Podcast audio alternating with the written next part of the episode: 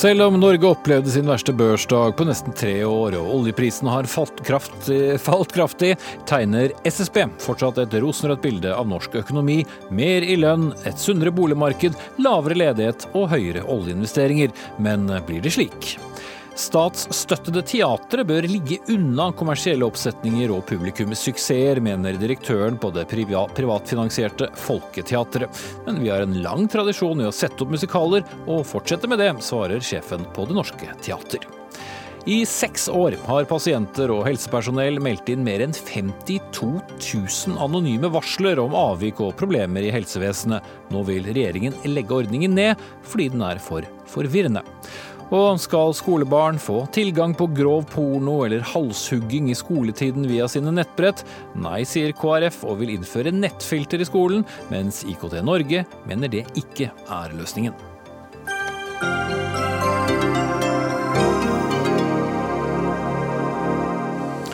Sier vi god kveld og velkommen til eh, Dagsnytt 18 med Espen Aas eh, i studio. Vi starter eh, denne sendingen med den ganske oppsiktsvekkende historien om politiet som nå etterforsker alvorlige trusler mot justisminister Tor Mikkel Wara fra Fremskrittspartiet. Både bilen og huset til Wara og hans familie er tilgriset med ordet rasist. I tillegg er det festet en tennanordning til bensintanken på bilen. Verken regjeringen eller Politiets sikkerhetstjeneste ønsker å kommentere saken her i Dagsnytt 18. Samtidig etterforsker også PST om det kan være en sammenheng mellom denne saken og en bombe som ble sendt til politihuset på Ski i Akershus i går. Og krimkommentator Olav Rønneberg her i NRK, la oss ta det siste først. Er det noen sammenheng mellom de to sakene? Eh, det virker ikke slik. Eh, disse to sakene blir nå etterforsket separat eh, av politiet. De sier at de kan ikke utelukke en sammenheng, men ifølge mine kilder er det nå ingenting som indikerer en slik sammenheng. Så disse sakene blir holdt separat i politietaten. og Det er da politiet Follo sammen med Oslo-politiet som etterforsker denne bombesaken i Ski. Og så er det da PST som har ansvaret for etterforskningen av dette som skjedde med Tor Mikkel Wara. Årsaken til det er at han er jo statsråd og en myndighetsperson, og da er det rutine at det er PST som leder etterforskningen av den type saker. Mm. Ja, Apropos Vara, noen har da altså tatt seg inn på eh, den private eiendommen. Skrevet på panseret på bilen, skrevet på husveggen og i tillegg eh, lagt noe inn i bensintanken på eh, bilen. Hva vet vi om disse truslene? Vi vet jo da som du sier at det er malt rasist både på husveggen og på bilen. og Der det er festet en snor. Vi har sett bilder av det i dag. En snor som er stukket inn i bensintanken på bilen hans. Vi vet ikke hva som var i andre enden av denne snoren, men vi har sett at denne snoren var forsøkt påtent. Eh, og det er jo alvorlig nok, uansett hvem det er rettet mot, og selvsagt enda mer alvorlig når det er snakk om landets justisminister. Ja, eh, for eh, det er jo ikke uvanlig at vi hører om trusler mot eh, toppolitikere, men denne saken er sånn sett litt mer spesiell? Den er unik fordi den er fysisk. Det er et, et fysisk angrep, må vi kunne kalle det. Og det har skjedd fysiske tiltak hjemme der hvor han bor. Tor Mikkel Wara er jo en mann som til daglig har livvakter og er under politibeskyttelse. Likevel har dette da vært mulig å gjennomføre hjemme hos han. Men det er jo nettopp, nettopp det at det er blitt fysisk som også gjør det ekstra alvorlig. og som gjør at det er satt i verk en stor eh, etterforskning her. Eh, jeg tror både justisministeren og andre statsråder må regne med trusler i det daglige, både via internett og i brev og, forsendelser, både til departementet og andre steder. Det må nok mange i dette landet, men det er veldig sjelden du ser det komme fysisk til uttrykk, slik som vi har sett her. Mm. Og gjør det ekstra skremmende? Det gjør det ekstra skremmende, åpenbart både for Wara og hans familie. Eh, det er nok grunn til å tro at man nå har gått gjennom sikkerheten rundt han, og også rundt andre statsråder. Det er det også rutiner for at når slike hendelser skjer, så tar man en gjennomgang av, av sikkerheten sikkerheten rundt dem. Mm. Og som jeg nevnte innledningsvis, og som vi var inne på, så fikk altså politihuset i Ski da denne sprengladningen tilsendt uh, i går. Uh, hva slags detaljer har vi rundt denne saken nå? Ja, Den fremstår jo som ganske alvorlig, all den tid politiet sier det var en gjenstand som var egnet til å gå av. Det var sprengstoff. Det kunne gjort stor skade. Det kunne drepe personer, sier politiet. Det var altså en skarp bombe som ble funnet. Uh, etter mine opplysninger så var det nok ikke en bombe som ville tatt ned hele politihuset, for å bruke et slikt uttrykk, men det var en, en kraftig kraftig sak som ble funnet, om enn noe amatørmessig bygget, eh, slik jeg forstår det. Mhm. Men eh, PST, altså Politiets sikkerhetstjeneste, er nå involvert. Hva kan du si om hva som skjer videre, både med truslene mot, mot Vara og også denne hendelsen da på Ski i Akershus? I begge sakene så er det jo viktig å finne ut om det kan ligge noe i fortiden her. Om det kan være personer som har truet Tor Mikkel Wara, om det er personer som kan ha kommet med trusler mot politiet tidligere, eller som politiet har hatt med å gjøre, og som kan ha et hat mot politiet i Ski. Så det er viktig i begge sakene å undersøke persongalleri, moduskandidater som det heter. Hva angår saken i Ski, så er det viktig å undersøke disse bomberestene, se om de kan spores tilbake. Eh, om det er mulig å finne fingeravtrykk eller DNA på denne forsendelsen. Og på samme måte er det viktig å undersøke funnene hjemme hos Tor Mikkel Wara for å se om det er funnet noen spor der. Det er viktig nok å gjøre rundspørring i nabolaget der, undersøke mobiltrafikken i området. Det er slike ting som politiet gjør i enhver slik sak da, for å forsøke å, å få en oppklaring. Mm. Takk skal du ha, Olav Rønberg. Du og dine kolleger følger den saken for NRK Nyheter videre utover kvelden.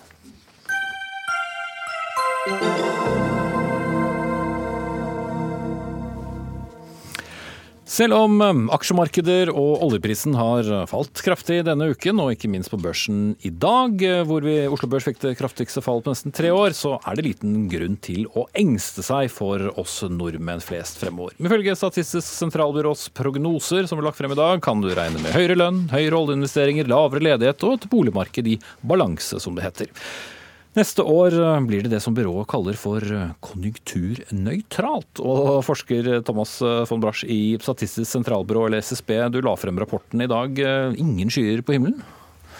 Eh, jo, det er skyer på himmelen, men det er riktig som du sier at eh, vi nå tegner et bilde av konjunkturen i, i, i, Norge som vi kaller nøytrale. Og Grunnen til det er at vi ser flere områder som nå går mer i en balansert retning. Finanspolitikken var tidligere veldig ekspansiv, den blir nå mer nøytral. Renten skal heves fra et uh, unormalt lavt nivå opp til et mer normalt nivå. Vi ser at både tilbud og etterspørsel i boligmarkedet er uh, mer i balanse. Arbeidsledigheten har falt en god del og skal også falle videre til mer uh, normale nivåer. Og lønnsveksten vil også ta seg opp fra et unormalt lavt nivå. Så når vi har så mange områder som går i en mer balansert retning, ja da sier vi også at økonomien som helhet er nær konjunkturnøytral. Mm. Men la oss fortsette denne værmeldingen da, og ta disse skyene. Eh, hva, hva er det som skygger? Eh, vil, eh, det som skygger mest, er nok det som skjer nå i internasjonal økonomi. Vi har lagt til grunn at Eh, at den mer nøytrale utviklingen som vi har sett internasjonalt, at den vil fortsette. Men vi har noe avtagende vekstrate inne i våre, i våre, prognoser. Men det avtegner seg jo samtidig et helt eh, tydelig nedsiderisiko. altså Både i USA, du har aksjemarkedet, du har den, eh, en, en, tydelig handelskonflikt med Kina som kan eskalere. Og så på toppen av dette har vi også Eh, håndteringen av brexit og hvordan det, eh, vil, eh, hvordan det vil slå ut, det er foreløpig usikkert. Så dette er usikkerhetsmomenter. Men det scenarioet vi altså tror mest på, er at dette vil mer eller mindre gå seg til. Så det er det som ligger inne, og er, som ligger som et bakteppe for våre prognoser. Mm. Men skyr ikke mer enn at dere velger altså å se ganske positivt på, på de neste årene? Ja, det er riktig. Så eh, generelt så går det, kommer det til å gå litt bedre i norsk økonomi. Mm. Elisabeth Holvik, Holvik, stadig sjeføkonom i Sparebank1-gruppen. Eh, Dette høres jo fint og flott ut. Er du like, har du like solfylte briller på for de neste årene?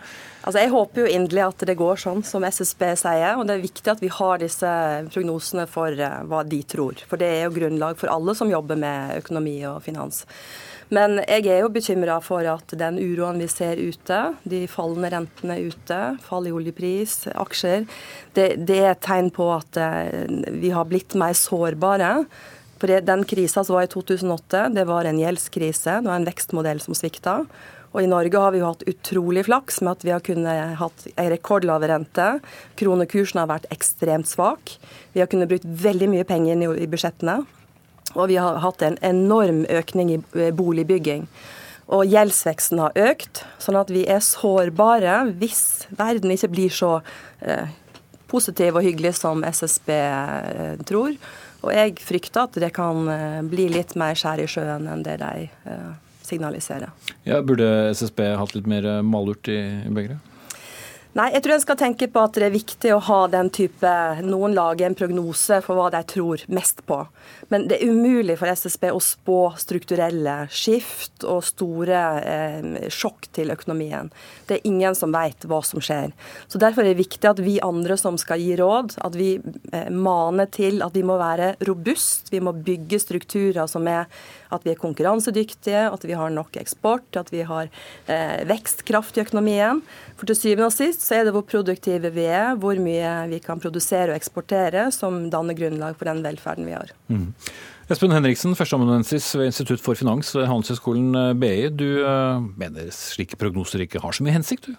Nei, Jeg tror det er veldig viktig å være veldig ydmyk i forhold til hva vi kan forutse av norsk økonomi. Eh, når von Brasch sier at det kommer til å gå bra, så tror jeg det er å ta altfor hardt i. Jeg han mener at det SSBs konjunkturrapport viser, er at det går rimelig bra. Men det sier veldig veldig lite om hvordan det kommer til å gå. Så det er mye mer en situasjonsbeskrivelse enn en reell prognose om hvordan ting kommer til å gå. Og jeg tror det er problematisk av i alle fall to grunner. Én er at eh, vi ser ikke på de struktur, langsiktige strukturelle problemene som norsk økonomi har. Som f.eks.? Sånn, lav produktivitetsvekst arbeidsmarkedsdeltakelse, antall mennesker på uføretrygd, eh, hvordan næringsstrukturen vår er, at vi fremdeles er veldig oljeavhengig. Og så det andre som du i og for seg var inne på innledningsvis, det er i hvilken grad vi er i internasjonale finansielle markeders vold. Mm. Altså i den forstand at vi er ekstremt avhengig av oljeprisen. I rapporten til SSB så la de til grunn en oljepris på omtrent 70, hvis jeg greier å lese det. Nå i dag, rett før vi gikk inn her, så tippet den under 60. Uh, eh, man har av en eller annen helt forunderlig grunn et ønske om å lage prognoser for valutakursen. Selv om de liksom systematisk tar feil. Det er nesten sånn som å drive og som om vi skulle hatt en offentlig etat som kommer med ukens lottoprognose. Uh, så jeg tror det er mye viktigere at vi da snarere er formidler den usikkerheten vi står overfor, og hvordan vi skal takle oss, og hvordan vi skal forberede oss på det. Mm. For Barseth må du svare på. Ja, eh, takk for det. Eh, jeg er enig med Holviks poeng at det er viktig å være åpen om de antakelsene som ligger til grunn. Eh, og Vi har altså sagt at vi tror på en videre nøytral utvikling i internasjonal økonomi, men vi har også tidligere gjort beregninger og sett på hva skjer med norsk økonomi hvis handelsspenningene skal tilta. Og Det er jo en viktig eh, grunn til at det nå går bra, er fordi vi har hatt en oppgang internasjonalt, og også fordi oljeprisen tidligere har holdt seg på et uh, høyt nivå. Men får du et tilbakefall internasjonalt, så kan du både få en redusert etterspørsel etter norske varer og tjenester, og du kan få en redusert oljepris, og det vil gå utover uh, oljeinvesteringene. Og Da har vi gjort beregninger som peker i retning av at uh, da går vi inn i en ny nedgangskonjunktur. Men poenget er at det er ikke det bildet vi tror mest på. Vi tror mest på at internasjonal økonomi fortsatt, vil fortsatt gå i en det vi kaller nøytral retning. Mm. Men, ja, for Han sier at det er en nåtidsbeskrivelse. Du snakker om å, å tro. Jeg lærte en gang at det gjør man bare i kirken. Ja. Eh, til det Henriksen sier. Han eh, snakker om eh, det vi legger til grunn for valutakursen. Og jeg er enig med han at når det gjelder valutakursen, så er det veldig stor usikkerhet. Eh, og vi i, i, våre prognoser så har vi lagt inn en rentebane eh, som er røftlig i tråd med Norges Banks rentebane, men som er høyere enn det markedet forventer. Og hvis det skulle slå til, da er det naturlig at eh, valutakursen også vil styrke seg i et sånt scenario. Men vi, har, vi er ydmyke overfor utviklingen i valutakursen. Så vi har også gjort en beregning som sier hva skjer med norsk økonomi hvis valutakursen holder dagens nivå? Og det som da skjer, er at eh, eh, lønnsomheten i industrien eh, forbedres, inflasjonen blir noe høyere, og konsumet faller litt.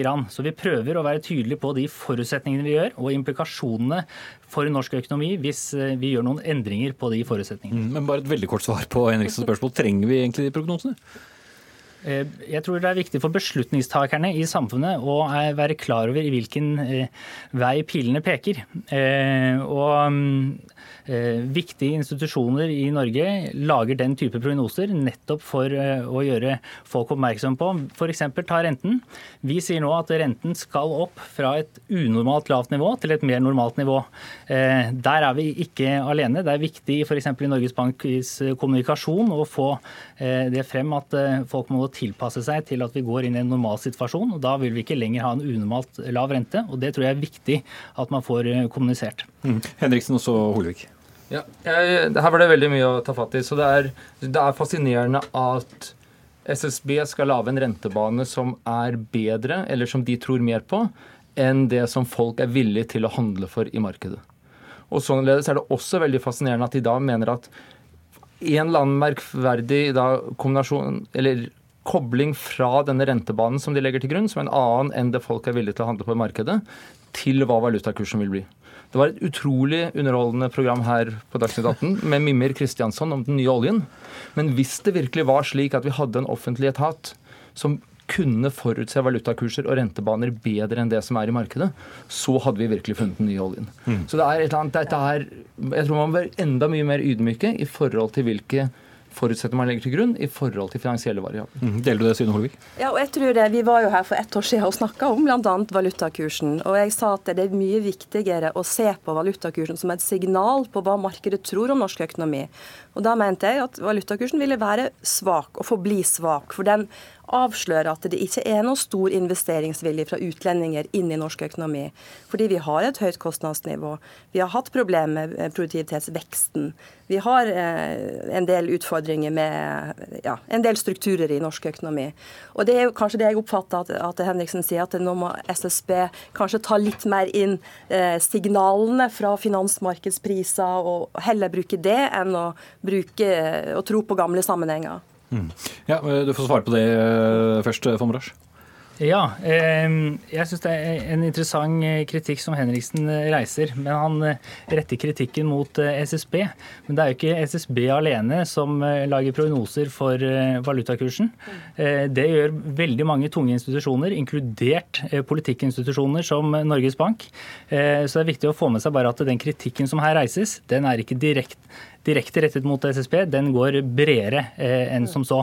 Eh, men jeg tror det er viktig at eh, vi kan lage analyser for norsk økonomi hvor vi har forutsetninger om valutakursen, og viser implikasjonene av, av det for norsk økonomi. Mm. Men det har jo blitt rettet kritikk, ikke bare nå, men mange ganger, jeg har lest mange konjunkturrapporter gjennom årene, om at dere er ofte i overkant optimistiske og litt på siden av andre. Eh, ja, Det er ikke et bilde jeg kjenner meg igjen i. Hvert, eh, hvert, år i det som heter Økonomisk utsyn, så har vi en gjennomgang av eh, treffsikkerheten av prognosene våre for viktige økonomiske størrelser. Og det er ingenting der som tyder på at vi treffer skjevt på noe som helst måte. Så det kjenner jeg meg ikke igjen i. Nei, men Har, har noe poeng der at de, de, pleier å treffe, eller er du enig i det, Henriksen? Det er jeg jo helt uenig i når det gjelder finansielle variabler, for da har de jo systematisk bommet. De har jo forut, eller predikert at norske kroner skal styrke seg, og den har bare svekket seg. Så sånn sett så er det enda en grunn til ydmykhet. Men hvis jeg kan ta det i forhold til det von Brasch sa, at kritikken kunne rettes mot mange institusjoner, så er vel det snarere et kompliment til SSB at jeg mener at vi burde forvente mer av SSB og en offentlig institusjon enn vi vil av mange andre institusjoner. Og hvis det er hvorfor dette her er skadelig, så vil jeg bare nevne jeg tre ting. Én er at man kaster bort offentlige ressurser på lave valutaprognoser. Det burde vi ikke bruke offentlig ansatte til. To, det er fryktelig farlig hvis folk hører på SSB og handler på dette altså skulle være så naive at de tror at valutakurser kunne forutses. Og det tredje, men det som er det viktige her, er at det gjør, og det er for å bygge tilbake til poenget ditt, vi da tar vi ikke de nødvendige forholdsreglene. Folk tar ikke de nødvendige forholdsreglene ved å forstå at dette faktisk er en helt tilfeldig bevegelse. Nå kjenner jeg at jeg kunne gått fortsatt i ti minutter. Jeg kan bare by på et lite sitat på veien ut fra, fra Bjørnson, faktisk. Tid er sant at eh, pengene regjerer verden, eh, som jeg selvfølgelig ikke har husket på og ikke har googlet. Takk til Thomas von Brasch, forsker i SSB, Elisabeth Holevik fra Sparebank1 og Espen Henriksen, førsteamanuensis ved BI.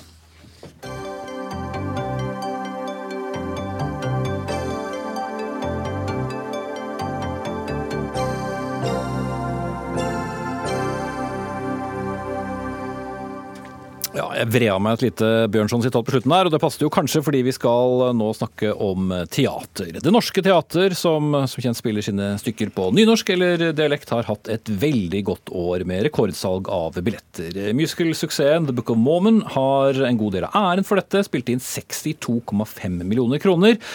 Og teatret får ellers 175 millioner kroner i statsstøtte. Og Knut Dahl, direktør i det privateide Folketeatret i Oslo, du mener Norske Teater ikke skal sette opp så mye populære musikaler. Hvorfor ikke?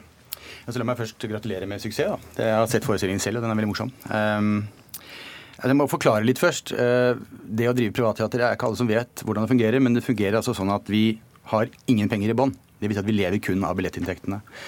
Eh, på Folketeatret skal vi fylle 1400 seter fem til seks ganger i uken eh, for å overleve. Det er et begrenset antall store kommersielle musikaler som genererer formen for, den formen for besøk, som har det kommersielle potensialet. Eh, vi ønsker litt alburom. Det er ikke så stort bed. Vi ønsker at ikke alle tramper i bedet vårt, for å si det sånn. En annen ting er jo at når vi konkurrerer da med Det Norske Teatret, så kan vi selvfølgelig konkurrere på kvalitet på musikalbiten. Eh, men vi kan ikke konkurrere på pris. Eh, de ligger 200-300 kroner under oss i gjennomsnittspris. Eh, Book of Mormon ligger på 449 gjennomsnitt i 2017, ser jeg. Hvis vi skulle hatt den prisen på The Phantom of the Opera, så måtte vi solgt 200 000 billetter før vi gikk i null. Ja, for skulle til å si nettopp Phantom of the Opera er vel noe av det bedre dere har gjort på en stund, med godt billettsalg, og så handler det ikke bare om å treffe litt på, på markedet? Altså, som jeg sier, Det går veldig bra i år, eh, og har gått bra en stund nå. Eh, og Da passer det egentlig godt å ta opp disse tingene. Eh, fordi at eh, Det jeg vil gjøre, er å bare rope et varsko. Eh, fordi at vi ser en tendens hvor man bruker kommersielle musikaler for å på en måte fylle opp kassa for å kunne drive med det som egentlig statsstøtten skal ta seg av.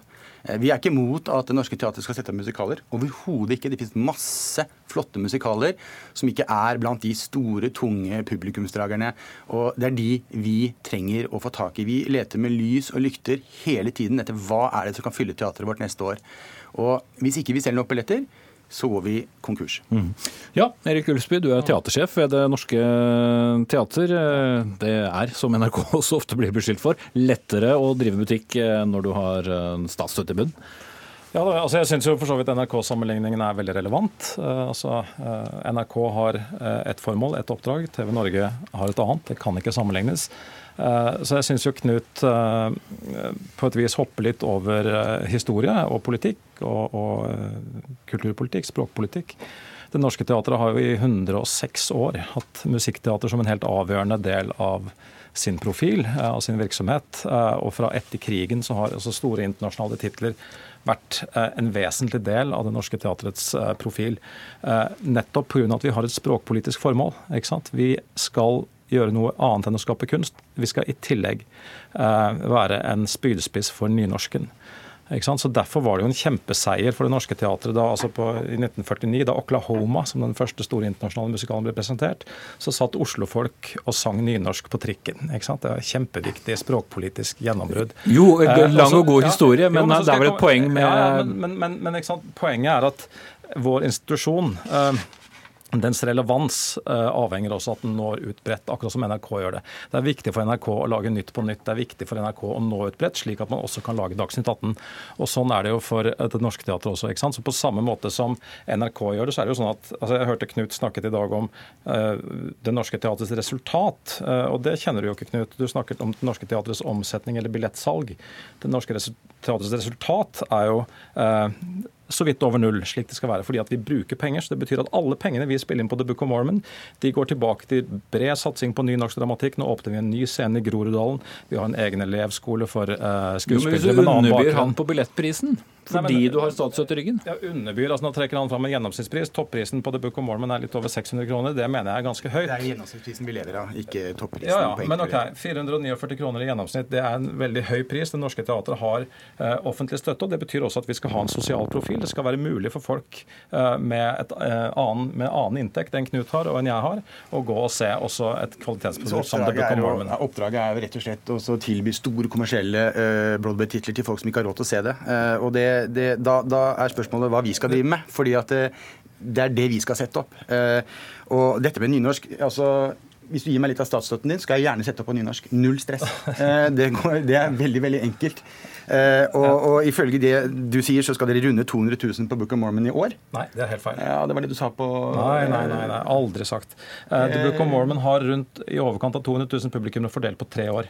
Ok. Ja. For dere solgte litt over 50 000 i fjor. Hva, hva regner med okay, Ikke så mange detaljer. Men, men eh, hvis man går på Det Norske Teater da, eller ser eh, på hva de ellers setter opp, så settes det opp veldig mye som du aldri ville satt opp. Av veldig smale ting. Helt riktig, og det er kjempefint, men spørsmålet er eh, skal han bruke disse store, tunge titlene og, og, på en måte støvsuge markedet eh, med en eh, subsidiert pris for å få penger til å gjøre dette? Eller er det politikernes ansvar å sørge for at eh, vi kan gjøre dette?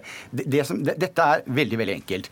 Uh, til høsten så setter vi opp Sound of Music. Og han skal sette opp Charlie og Sjokoladefabrikken, en annen stor, tung West End of Bollywood-tittel som allerede har vist sin suksess. se for deg at du er en bestemor eller bestefar, skal ha med deg hele familien. Dere er ti stykker. Hos oss så koster det da 3000 kroner mer å gå på of Music. Dette er et problem for oss. Dette er penger. Det betyr noe. Det kan du ikke komme unna. Det, det, er bare rett og slett et stort problem. Og, og det, Skal det være sånn fordi at Erik skal få penger, eller norske teater skal få penger til å gjøre smale, uh, morsomme ting? Uh, jeg forstår det ikke. Du kan få svare på det. Nei, nei, Jeg hører at Knut sier at dette er veldig enkelt, og jeg syns det på en måte er litt talende at du gjør uh, relativt komplekse sammenhenger veldig enkle. hele denne tematikken er mye mer kompleks enn det du sier. Og det handler, altså, det handler ikke om å ta, at du skal tilby en svær kommersiell musikal til, til en spotpris. Det er jo ikke det som er tilfellet. Eh, altså, det er vesentlig eh, at publikum, eh, altså, at et stort publikum får tilgang til kunstopplevelse av høy kvalitet. Det er et viktig politisk mål. Og det er klart at et offentlig teater skal kunne tilby det.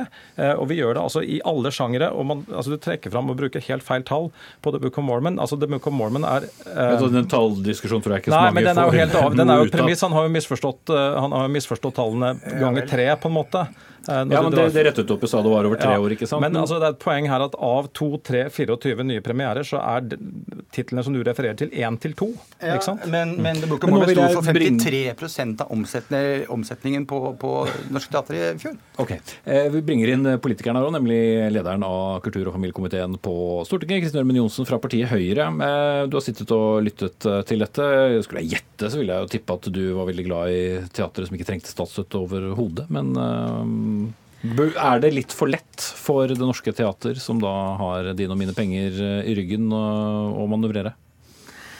Ja, først uh, vil jeg si jeg er glad for uh, begge typer teatre. Jeg vil gratulere begge med suksess med musicals. Det trekker folk til teatret som kanskje ellers ikke ville ha gått i teater.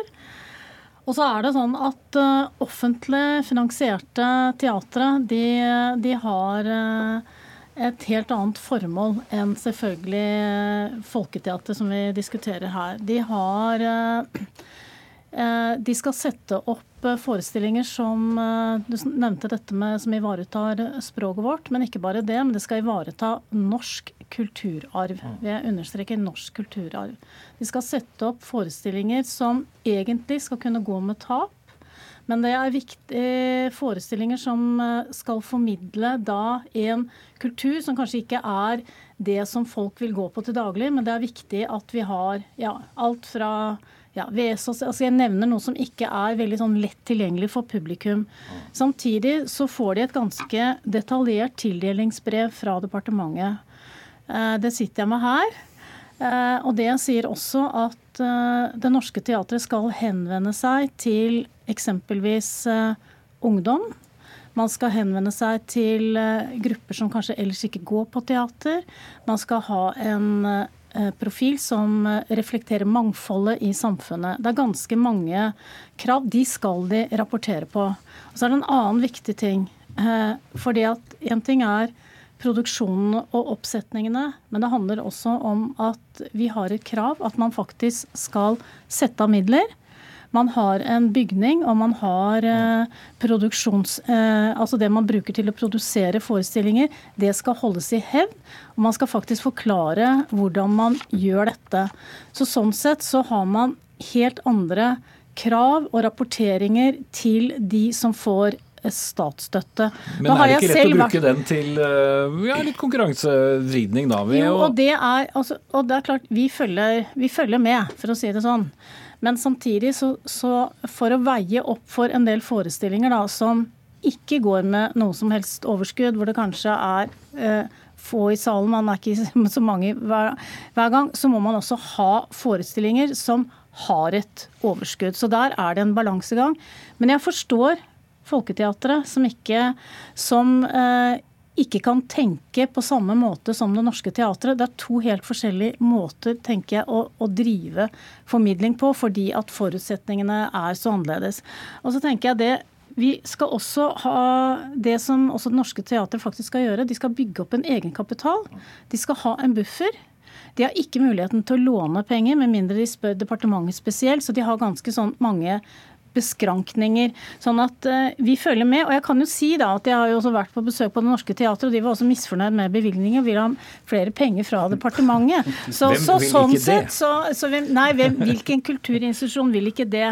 Så jeg sier at uh, det er um, Jeg tror nok at uh, nå har det vært publikumssuksesser, at det er Men det kan være at man slår helt feil på en forestilling. Ikke sant? Det må man også da ta, ta for. Ja, jo, men Det høyde for. gjelder vel også for Knut Dahl. Hvis han velger eh, Ja. en, en forestilling, så har jo ikke han noen da statsstøtte. Men, men er problemet eh, det at det setter opp, eller er problemet at du synes dere burde ha lik pris? Ja, altså, hvis de hadde lik pris, så, så, så eh, kan jeg ikke si noe på det. Eh, altså, Vi konkurrerer veldig gjerne på kvalitet, eh, men, men der prisen er, er utgangspunktet det største problemet for oss. Vi opplever det med andre teatre også. Men, men, men Erik sier at det er forenklere. Det er veldig enkelt. For Hvis ikke vi selger nok billetter, så går vi konkurs. For oss er det veldig veldig enkelt. Og vi kan snakke politikk og nynorsk språk og, og disse tingene eh, kjempelenge. Og jeg har stor forståelse for det. men, Min jobb er å drive Folketeatret. Vi må tjene penger, ellers så går vi konkurs, og da blir vi borte. Du snakket om kulturpolitisk skandale før i dag. Det ville jo vært en kulturpolitisk skandale hvis vi måtte legge ned pga. at vi ikke klarte å tjene penger. Men så ille er det vel ikke at du blir utkonkurrert av Nei, jeg synes det passer å, å snakke om dette nå, når det går bra. Eh, og jeg vet at det går opp og ned i denne bransjen her. Og, og vi har jo også altså, eh, bygninger å ta vare på. Jeg har et stort bygg fra, fra 1930-tallet. Fantastisk Art Deco-bygg. Det koster ekstremt mye penger å ta vare på. Vi bruker jo masse penger på vedlikehold hele tiden. Vi har mange av de samme utfordringene. Eh, som, som, som han har. Eh, vi har én inntektskilde. Det er eh, billettkjøperen. Jeg må senke teppet, er jeg redd. Takk til Kan jeg bare få si da at jeg mener med Nei, jeg det private tilbudet, så blir faktisk de offentlige institusjonene bedre. For man okay. har mye å lære, lære av det private. Det sa Kristin Ørmen Johnsen, leder av kultur- og familiekomiteen på Stortinget. Vi hørte også Knut Dahl fra Folketeatret og Erik Gudsby-Ulfsby fra Det Norske Teater.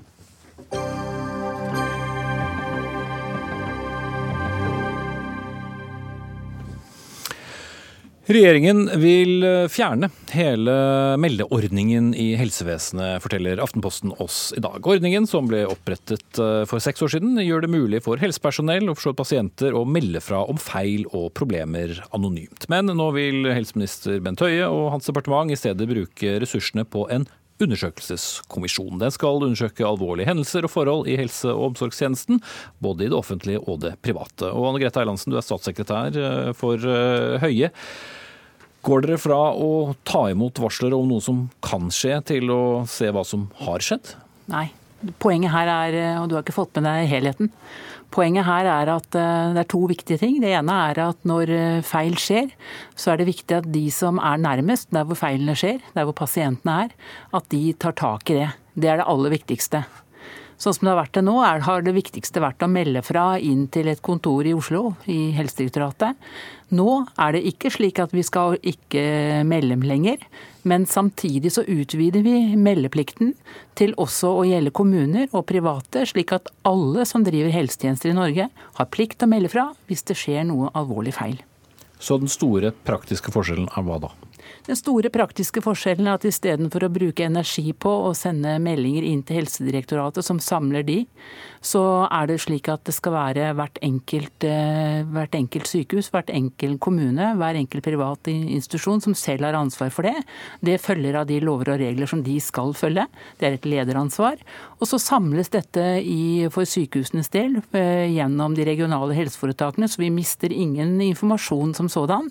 Og Helsetilsynet, som er de som skal følge opp når noe feil skjer, de får en tydeligere oppgave.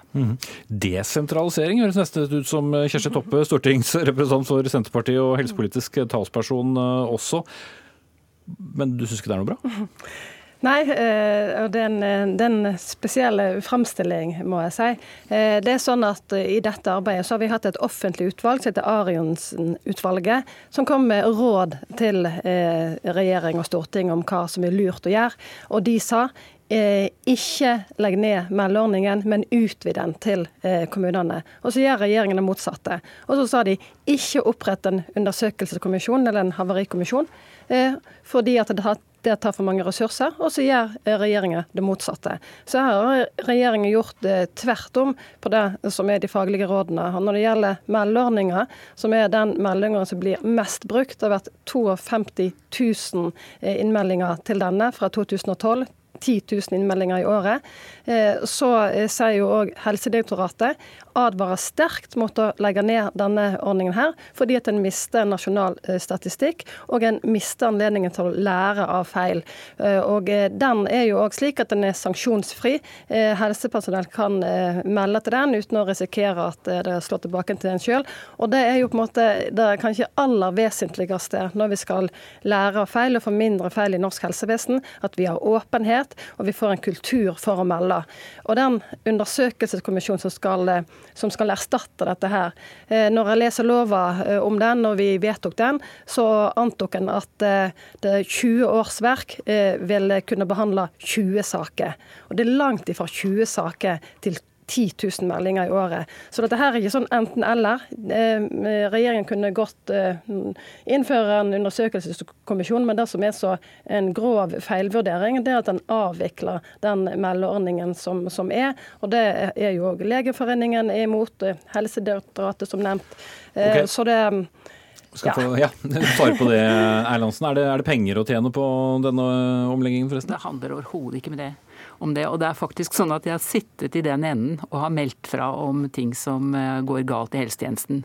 Og det virker ganske tåpelig at man innen 24 timer skal sende melding til et kontor i Oslo som overhodet ikke har ansvar for å gjøre noe med det. De gjør ikke noe annet. Det de samler bare opp informasjon. Eh, mens det som er viktig eh, når det skjer noe feil, det er for det første vi må ta vare på pasienten sørge for at det blir gjort eh, risikohindrende tiltak, og sørge for at ledelsen tar tak i dette. Og Det er jo det som er eh, kvalitetstenkning i hele samfunnet. At den som har ansvaret, har også, er også den som skal følge opp. Så det er det viktige. Og vi legger aldeles ikke ned noe som helst. Vi bare slutter å sende meldingene til eh, Helsedirektoratet. Helsetilsynet, som er de som skal følge helsetjenestene og se de kortene, de får en tydeligere oppgave. Og så skal vi ikke erstatte noe av dette med en undersøkelseskommisjon. Den kommer i tillegg. Og det er et tydelig råd som pasienter og pårørende har gitt til oss.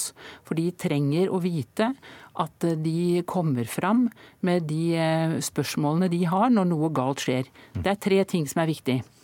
Det er å spørre hva har skjedd, hvorfor skjer det, og hva kan vi gjøre med det. Og Det skal også pasienter og pårørende, de som har vært involvert, og ledelsen jobbe med. Så du sier at det ikke er så stor forskjell? Nei, og det poenget med at å samle dette i, i, mange eksemplarer og lage statistikker i Oslo, det er ikke det som er det viktige. Det viktige er at alle Eh, og nå også både kommuner og private, har ansvar å følge opp de feil de har gjort, og sørge for at det ikke skjer igjen. Mm, det er det aller viktigste. Mm.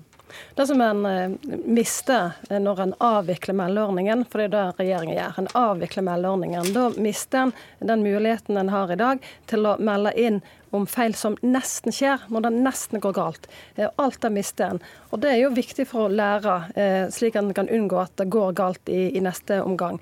Men gjør det ikke det med den ordningen som de foreslår? Eh, nei, da er det ingen meldinger for ting som nesten går galt. Og Det er et stort tap i pasientsikkerhetsarbeidet. Og så til dette her med at en melder inn til kontoret i Oslo at en lærer ikke av det. Altså At en ikke lærer av den, alle de meldingene. Det er jo et ansvar som regjeringa og Høie ikke har tatt. da, fordi at en må jo ta ansvar når en har et meldesystem. Det blir utvikla læringsnotat som er helt fantastisk, jeg har lest de. Eh, da burde jo eh, regjeringa satt dette på dagsorden i alle sine møter med helseforetakene. Jeg har vært inne og sjekka protokollene på det i siste året. Og dette her med underrapportering og hvordan lærere feiler, ikke vært oppe på ett ut av de. Så her er det jo masse muligheter. Jeg mener at meldeordningen kan utvikles og bør utvikles. En må bruke det mer. Men istedenfor å sette sin eh, styrke inn på hvordan vi virkelig nå kan bruke den informasjonen til å lære av feil, så avvikler en hele ordningen. Mm. Og det er det som er feil. Jeg må avvikle debatten nå, Eirid. Kjersti Toppe fra Senterpartiet, Anne Grete Eilandsen, statssekretær i Helse- og omsorgsdepartementet fra partiet Høyre.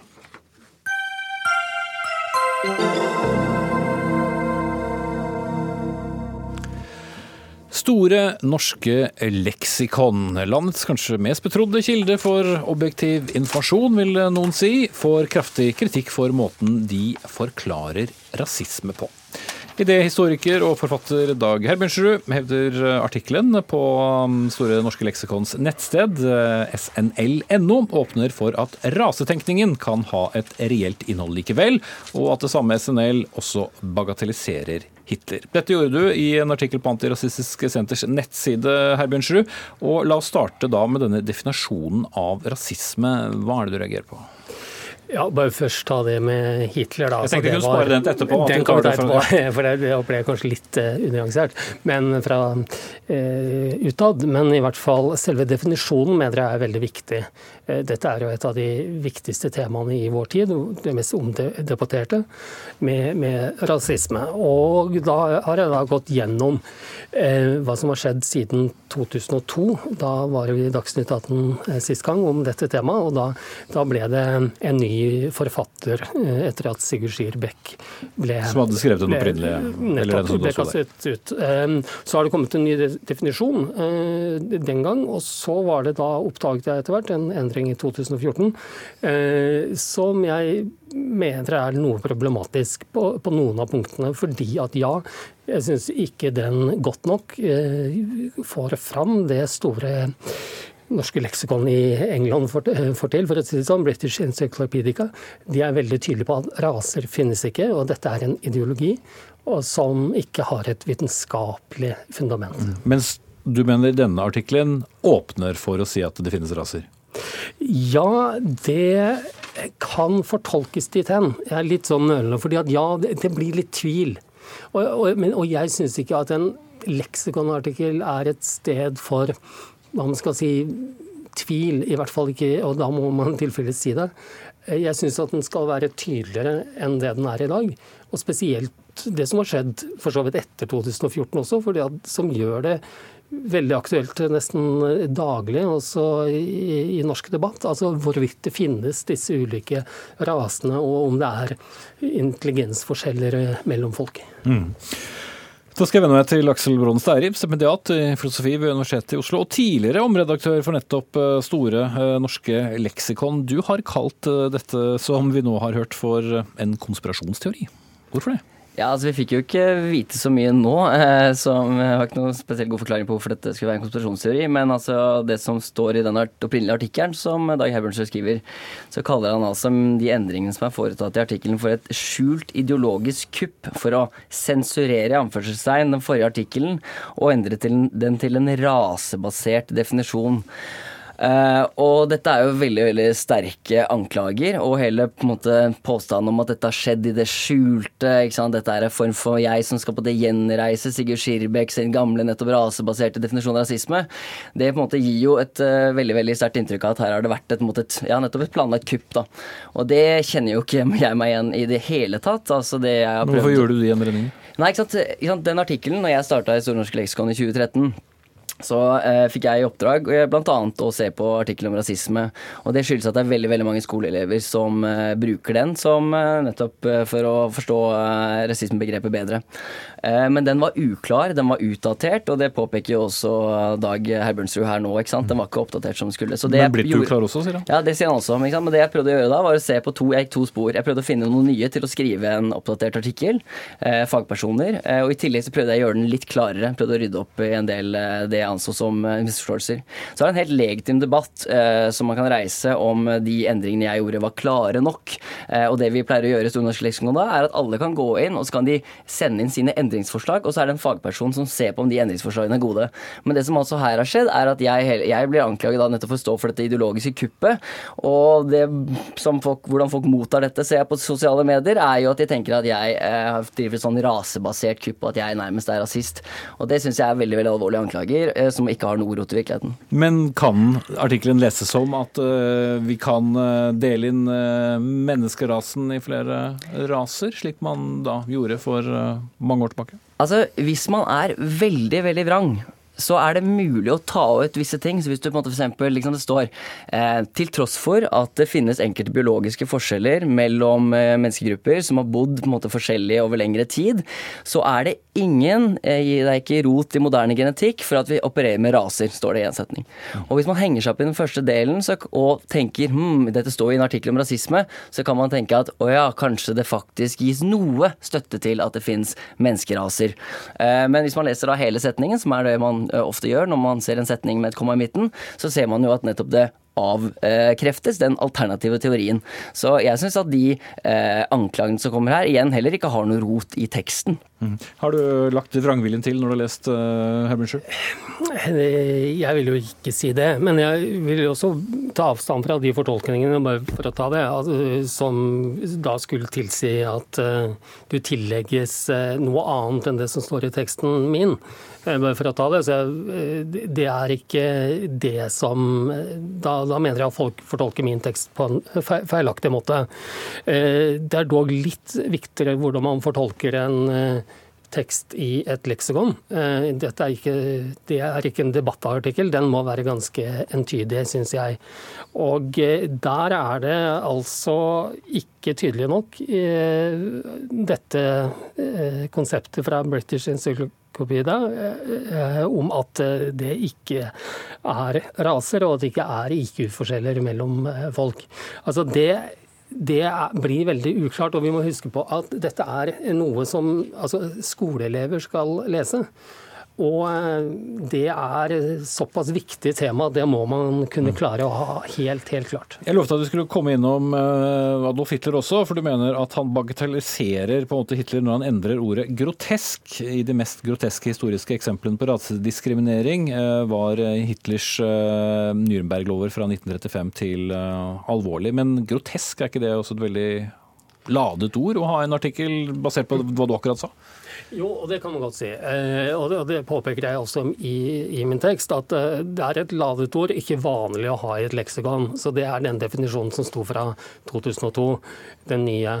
Eh, samtidig så skal det litt til, mener jeg, å, å endre dette til å kun kalle opptakten til holocaust for alvorlig. Altså, det er et ord som i hvert fall også kan være litt diskutabelt. Så, så, jeg sier ikke at det første er perfekt, men jeg mener heller ikke at den endringen er det. Og i sum så blir det liksom alle disse små, små tingene som gjør at jeg mener at det er mer, mer skadelig i dag enn det var for ti år siden.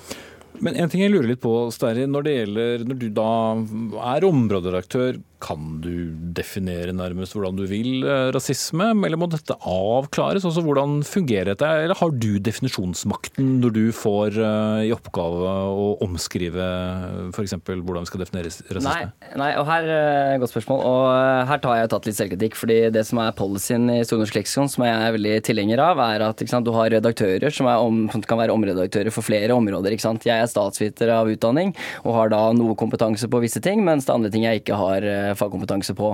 Eh, så får jeg en fagansvarlig, og det er de som i all hovedsak skal stå for de substansielle endringene. Det er de som skal stå for å skrive artiklene, og de, som skal ta, måtte, stå for både godkjenne de endringsforslagene som eh, Dag Herbernsrud er invitert til å komme med, eh, men også for så vidt substansielle endringer som kommer fra redaktørene. Og i dette tilfellet her så var ikke, mitt, var ikke min intensjon å gjøre store endringer på den artikkelen om rasisme, i påvente av, men bare i påvente av å mm, få noen inn til å skrive en ny artikkel, så vil jeg på en måte gjøre den noe klarere.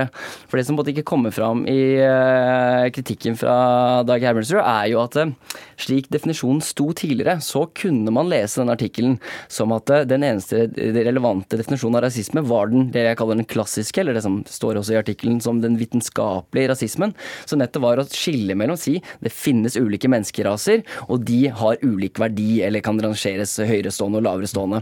Men det er jo en definisjon som veldig, veldig få rasister i dag opererer ferie med. Det er ikke ofte at man sier den svarte rasen er mindre verdt enn den hvite rasen, men man har derimot noe som kalles nyrasisme.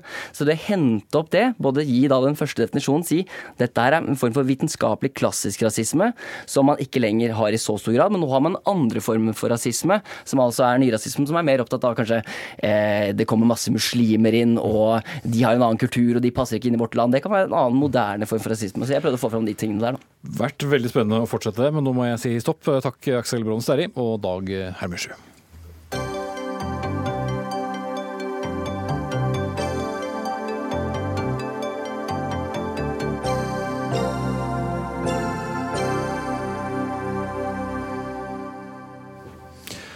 Titter du ned i en eh, ja, noenlunde vanlig eh, skolesekk nå om dagen, så finner du pennal, du finner bøker og skolemat, og i veldig mange skolesekker også et nettbrett som de små og håpefulle eh, har som del av sin undervisning. Med et brett følger selvfølgelig tilgang til internett, hvor som kjent det meste er fritt tilgjengelig via noen få tastetrykk, enten du er hjemme eller på skolen. I dag skriver Asker og Bærums Budstikke om en åtteåring som fikk se grov porno på skolen via nettopp et nettbrett, og faren til jenta sier til avisen at han ble både fysisk redd og uvel. Og spørsmålet stilles eh, om elever i grunnskolen bør ha fri tilgang til internett eh, i eh, skoletiden. Noen skoler har sågar innført filtre som sperrer f.eks. nakenhet, vold og, annet, mens andre velger å la det være åpent. Og Bjarte Rørmark, assisterende avdelingsdirektør i Utdanningsetaten i Oslo. 25 000 elever i Oslo-skolen har tilgang til nettbrett og internett, og dermed vel, fri tilgang til det meste, da? Ja, Elevene i Oslo-skolen er trygge, og de skal trives og lære og utvikle seg. Eh, og, og det gjelder i og for seg uansett hva slags verktøy vi bruker til læringsarbeidet. Eh, enten penn og papir og i og for seg byggeklosser, eh, eller, eller digitale midler. Eh, Men er de trygge hvis eh, Vi hørte en eh, historie tidligere i dag også hvor en andreklassing hadde googlet is, og jeg kan love deg at vedkommende hadde fått opp noe helt annet, nemlig en terrororganisasjon som gjorde ting som barn ikke skal se. Ja, Den tryggheten det betyr at vi må ta, også i Oslo-skolen og hele skolen i Norge, ta, ta, ta trygg hva skal jeg si, eller ta, ta nettvett på, på det dypeste alvor. Det jobber vi med i Oslo-skolen etter to akser. Vi tester nå ut en systematisk pilot på en, et, si, en teknisk eh, løsning for filtrering av innhold. Men på den andre siden så jobber også lærerne nesten hver eneste dag i Oslo-skolen med å gi barna, eh, la barna få mulighet til å bygge opp til kanskje det viktigste filteret de har, nemlig det som sitter i hodet. For det skal gjøre dem i stand til å bruke digital teknologi på en trygg og lærerik måte på alle livets arenaer, eh, ikke bare på skolebenken. Mm. Og dette er for så vidt ikke noen problemstilling som bare handler om Oslo, det handler naturligvis om hele landet. Kjell Ingolf Ropstad, stortingsrepresentant og nestleder i KrF. Eh, dere har forsøkt å legge nettopp et, eller foreslått å legge nettopp et filter, eh, slik at barna ikke kan søke på alt eh, mulig. Men mister ikke da en del av kompetansen som, som din sidemann sier de trenger? Nei, jeg vil jo heller berømme deg for at de tenker sånn. Det, det aller viktigste er jo at ungene òg får god opplæring i hvordan du skal bruke mobil og nettbrett, data, og få den, det filteret og dømmekraften sjøl til, til, å velge og se hva som er fornuftig og ikke. Men, men det er, dette er snakk om seksåringer, sjuåringer, åtteåringer. Og jeg mener jo at eksemplene som du viser til, nettopp viser jo at de aller yngste bør òg ha beskyttelse. Og mye av det som har vært av henvendelse fra foreldre, er jo at de ønsker filter eh, på nettbrettet til ungen hjemme. Også når det kommer på skolen, av det offentlige ansvaret, så er det ikke lenger den samme beskyttelsen. Og det er jo det vi har reagert på, og heldigvis fått med et enstemmig storting på at det bør en gjøre noe med. Mm.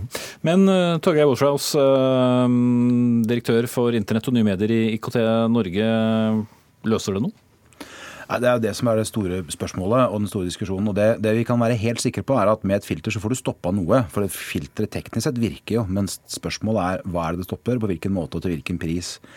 Og uansett om du har et filter eller ikke, om du har det hjemme på skolen for den del her i NRK, så vil alle, også barna, møte ufiltrert internett mange andre steder. Så alt det du må gjøre når du ikke har et filter for å beskytte barna, for å gi dem trygghet, for å gi dem håndteringsevne osv., det må du likevel gjøre når du har et filter.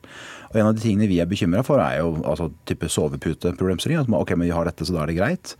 Samtidig som vi ser uh, mye problemer rundt i verden med falske positive. Altså I England så har det vært uh, informasjonsnettsider om prevensjon som har blitt stoppet, du har hatt uh, informasjonsnettsider om seksualopplysning osv. Så, videre. så Jeg kan fortelle noe enda verre. Hvis du tar Heathrow Express, som har et filter, så får du ikke engang opp nrk.no av en eller annen merkelig grunn. Nei, Det sier noe om hvor gode filter det kan være. da. Men, altså, men her er, ligger mye av utfordringen, og også i forhold til det kulturelle og tradisjonelle. altså Hvem er det som skal definere? Vi ser jo at filtre som er laget i, i strengt katolske land, f.eks. sør i Europa, de har en helt annen logikk og, og måte å å filtrere på eh, enn det vi vil ha her i Norge. Så det er også avhengig av at du klarer å filtrere på en måte som passer med tradisjonene våre for tilgang på informasjon og, og kultur osv. Og, så og husker på at vi har Barnekonvensjonen, som er veldig viktig, som ligger i bunn på hvordan vi skal jobbe med barn og teknologi. Mm. Ja, for det er poenget, at Du kan jo velge graden av filtrering, men eh, jo mer du filtrerer bort, så kan du ta bort eh, veldig mye annet samtidig og gi denne falske tryggheten. Ja, men jeg er ikke så bekymra for akkurat det. Og det er jo ikke et enstemmig storting heller, da. Nettopp fordi at en har gitt oppdrag om at det bør være filter for de yngste elevene. Og jeg vil jo si at hele skolens oppgave er jo å danne elevene og gjøre dem til gangs mennesker, som det stender. Eh, og, og, da er jo noe av denne, denne her type uh, dømmekraften ekstremt viktig. Men, men, jeg er heller ikke redd for at et filter vil være en sovepute. For det er, eh, som Waterhouse sier, du, du, møter det på alle andre arenaer og sånt. Men, men tenk når det offentlige er ansvar for ungene. Du deler ut et nettbrett som ikke en, en seksåring kan si nei til. Eh, så må du òg være ansvarlig for det innholdet som er der. Og det er jo ingen skolebøker som, eller noe skriftlig som ville hatt det, den type material. Og da mener jeg at det er helt naturlig at en gjør en bedre innsats for å skjerme ungene òg når de er på skolen. Noen vil kanskje si at man klarer å få tilgang på ting som er skriftlig man ikke burde lese heller. hvis man leter. Fra, fra læreren, det, det, er du, det har du helt uh, rett i. Uh, ja, altså, Det er igjen tilbake til hva er dette verktøyet skal være for noe. Og, og, En av de store utfordringene med internett er at det stort sett er laget for voksne av voksne. Og, og i veldig mange land også innhold som i Norge er sett på som uønskelig eller kanskje til og med ulovlig. Og, og, Det er en av de forskjellene som vi må virkelig ta på alvor. Og, og vi også handler om både som foreldre, som lærere, sykepleiere, hva det måtte være, i møte med mennesker, også må håndtere at den situasjonen vi hadde før, kan vi ikke gå tilbake til. Vi kommer ikke til å gå tilbake til hva i papirbøkene. Det kommer til å være innhold på nettet som barn eksponeres for i altfor tidlig alder. Og vi må lære de å håndtere det godt. Og foreldre må lære å håndtere at barn har opplevd. Og ikke gå rett i 'dette er farlig, vi må bare få, alt vekk'. Må, for, det vi også ser, er at uh, barn har en tendens til å være redd for at hvis, forteller, hvis de forteller om hva de har opplevd, så skal de voksne ta bort mulighetene. Og Du nevnte jo Bærum kommune, og der er jo flere skoler som har eh, via en ganske lang serie av si, nærmest kampanjejournalistikk i, det budstikka eh, endte opp med å fjerne YouTube, så YouTube ikke kan brukes i uh, skoletiden på iPadene. og Det er en av de viktigste læringskanalene for barn og unge i vår tid. Mm. Rørmark, den ordningen der dere nå ligger, vil ikke det også være at måten å lære på er å bli eksponert for det man ikke vil se, for så å lære at du ikke skal se det igjen? Ja, vi er jo også opptatt av, som jeg tror i likhet med, med alle vi tre altså alle i studio her, er opptatt av at, at, ny teknologi gir enorme muligheter for læring og utvikling. Og, og brukt riktig så er, en, så er det en stor ressurs. Um, og, og, og, vi ønsker jo gjennom denne piloteringen vi gjør, dette filteret å finne mer ut av hvordan det virker. Hva har det innvirkning på, på, på undervisningen? Hvordan, hvordan, fungerer det? Skjermer det for de riktige tingene osv. Så, videre. så vi skal vurdere nå etter endt pilot og hvordan vi skal uh, eventuelt uh, få dette filteret ut på flere skoler og flere iPader. Så er det viktig å si at vi, vi, samtidig tilbyr skolene ganske mye støtte på den andre delen også, nemlig det å bygge, bygge trygghet hos barna og, og, og et, indre filter, som sagt. Vi har samarbeidet med Redd Barna, som har et utmerket opplegg for dette for de små barna også. Og, og jeg sitter faktisk akkurat nå og, og, lager en liten julegave til skolene med et tilbud om, om støtte fra oss sentralt for de skolene som opplever at de trenger veiledning til lærere, veiledning til ledere. Og så, og så tenker jeg nok at, at det, det det tekniske innretninger, verken iPader eller filtre, må, må, må, må, komme i veien for at voksne snakker med barn. Eh, og den, og den dialogen om deres eh, opplevelser, behov og ønsker, at vi, at vi må la det ligge til grunn for hvordan vi utformer undervisning og, og, og læring i skolen også. Det er vi opptatt av. Dette er jo veldig bra. og jeg tenker jo at Det er jo det som er litt av oppskriften. En aktiv kommune. Fordi at det, det, handler jo om at du ikke bare heller sitter passivt og ser på. fordi at det kan fort bli en sovepute den andre veien og bare tenke at dette er bra at ungene møter. Det dette må de bare venne seg til. Eh, ja, men det må snakkes om det, og jeg er helt sikker på at enten det er porno eller terror eller krig eller hva det enn er for noe, det kommer de til å møte. Så at du har god enten det er seksualundervisning eller andre type undervisning i skolen, er jo nøkkelen for at ungene skal bli trygge barn. Og det er jo dette det handler om. Det handler om hvordan kan du ivareta ungene på en best mulig måte. Og jeg er sikker på at et filter vil være til hjelp, særlig når de er unge. Og så vil de jo bygge kompetanse opp igjennom, og så møter de det gradvis når de blir eldre. Mm.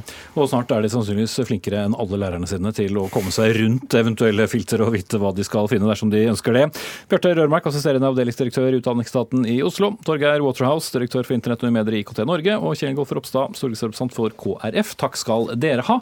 Filtrer iallfall aldri bort Dagsnytt 18. Eh, Ansvarlig for denne sendingen det var eh, Anne Katrine Førli. Det var eh, Finn Lie som hadde tekniske ansvaret. Her i studio satt Espen Aas. Og bare et døgn igjen, så er det Dagsnytt 18 igjen.